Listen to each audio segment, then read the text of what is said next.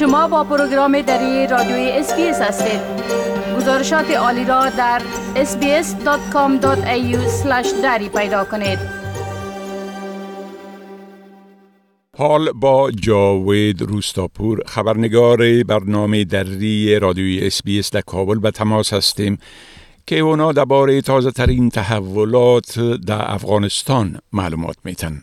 آقای روستاپور سلام عرض می‌کنم. خب گفتم این شک که در اثر انفجارهای در ولایات هرات و هلمند چندین نفر کشته شده. میشه که اولتر از همه در ای بار معلومات بتین؟ با سلام وقت بخیر آقای شکیب و شنوندگان عزیز. بله همان گونه که شما اشاره کردین روز جمعه بازم روز خوبی برای مردم افغانستان نبود.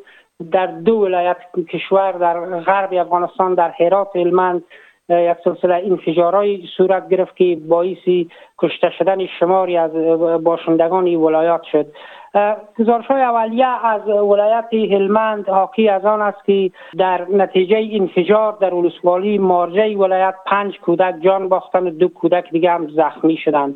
در خبرنامه ای که ریاست اطلاعات و فرهنگ طالبان در هلمند نشر کرده و به دسترسی رسانه ها قرار گرفته این انفجار حوالی ساعت نوی صبح روز جمعه رخ داده که ناشی به گفته مسئولان اطلاعات فرهنگ ناشی از سرگلوله آوانی بوده که از دوران جنگ باقی مانده و این انگام ایزی انفجار کرده که کودکان در یک محله با این آوان با این سرگلوله بازی می‌کردند. خبرنامه گفته که کودکان که زخمی شدند در انفجار به شفاخانه دولتی در مرکز هلمند انتقال داده شدند.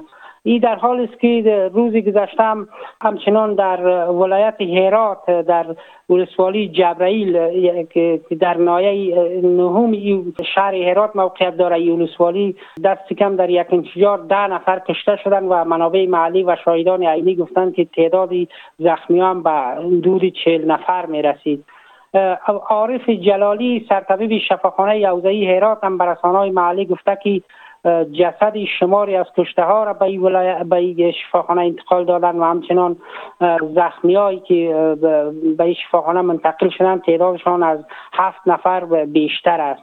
تصاویری هم که در شبکه های اجتماعی نشر شدن نشان می‌دهد که امبولانس ها برای انتقال اجساد به این ولسوالی رفتن و وضعیت بسیار وخیم است و شماری از خانواده ها در محل حادثه آمدن و داد و فریاد می‌کنند به خاطر که عزیزانشان در این حادثه یا کشته شده و یا هم زخمی شده.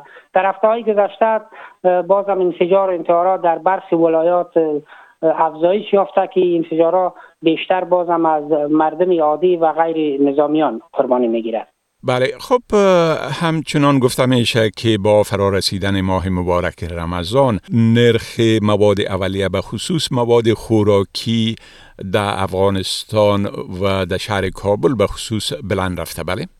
دقیقا کابل نشینان می‌گویند که در حال حاضر به خاطر فرارسیدن ماه مبارک رمضان مردم در بازارهای کشور مصروف خریداری ضروریات اولیه خود و مواد خوراکی به خاطر ماه رمضان هستند. اما دکانداران با استفاده از فرارسیدن این ماه که اکثر مردم ضرورت دارند مواد تهیه کنند مواد اولیه را قیمتش را بالا بردند.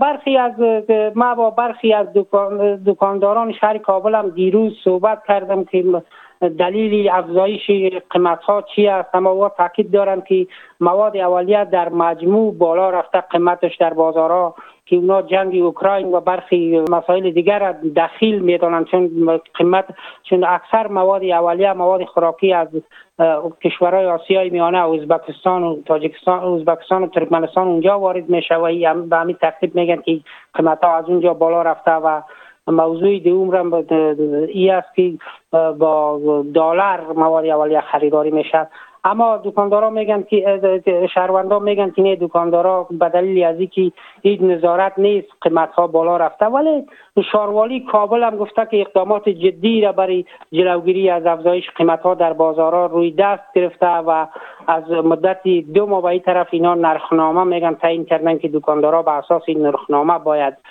مواد اولیه را به فروش برسانند. عبید الله باریگزی که سخنگوی شاروالی کابل است برسانا گفت که هر کس که قیمت فروشی کنه با این نرخنامه از این نرخنامه عملی نکنه در قیمت در قیمت مواد اولیه او مجازات میشه. اما او تاکید کرد که مردم باید با شاروالی همکاری کنند و اگر کسی قیمت میفروشه ایره راپور بتن تا ما جلوی از بگیریم بله خب طالبا همچنان گزارش در مورد سوی استفاده از بایومتریک رد کردن که گفته می شد طالب با زوب بر ضد مخالفینش استفاده می‌کنن. بله. وزارت داخله امارت اسلامی ادعای دیدبان حقوق بشر درباره کارگیری از اطلاعات بایومتریک در, برابر مخالفین سیاسی و مخالفین مثلا مخالفینی که در گذشته در صفوف نیروهای امنیتی اردو و پلیس بودن را رد کرد. عبدالنافع تکور سخنگوی این وزارت گفته که هر نهادی که درباره این مسئله ادعا کرده باید اسناد رایه کند.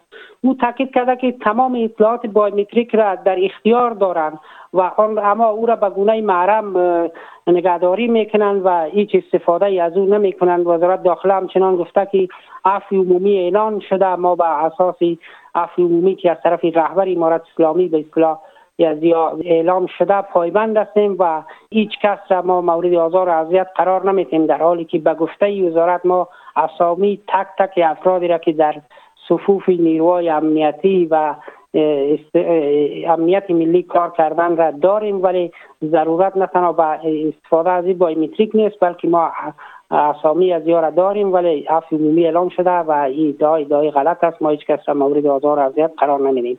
اما گزارش هایی که در هفته های گذشته در ماه گذشته از طرف نهادهای مختلف نشر شد حاکی از اون بود که افرادی وابسته به امارت اسلامی نیروهای پیشین امنیتی را مورد آزار و اذیت شکنجه و حتی برخی از آنها کشته شده قرار دادند که این مسئله باعث نگرانی هم در داخل و بیرون از افغانستان شد. بله خب بسیار تشکر آقای روستاپور. از این معلوماتتان و فعلا شما را به خدا می سپارم و روز خوش برتان آرزو می کنم وقت شما هم خوش خدا نگهدارتان. بپسندید شریک سازید و نظر دهید. اسپیس دری را در فیسبوک تعقیب کنید.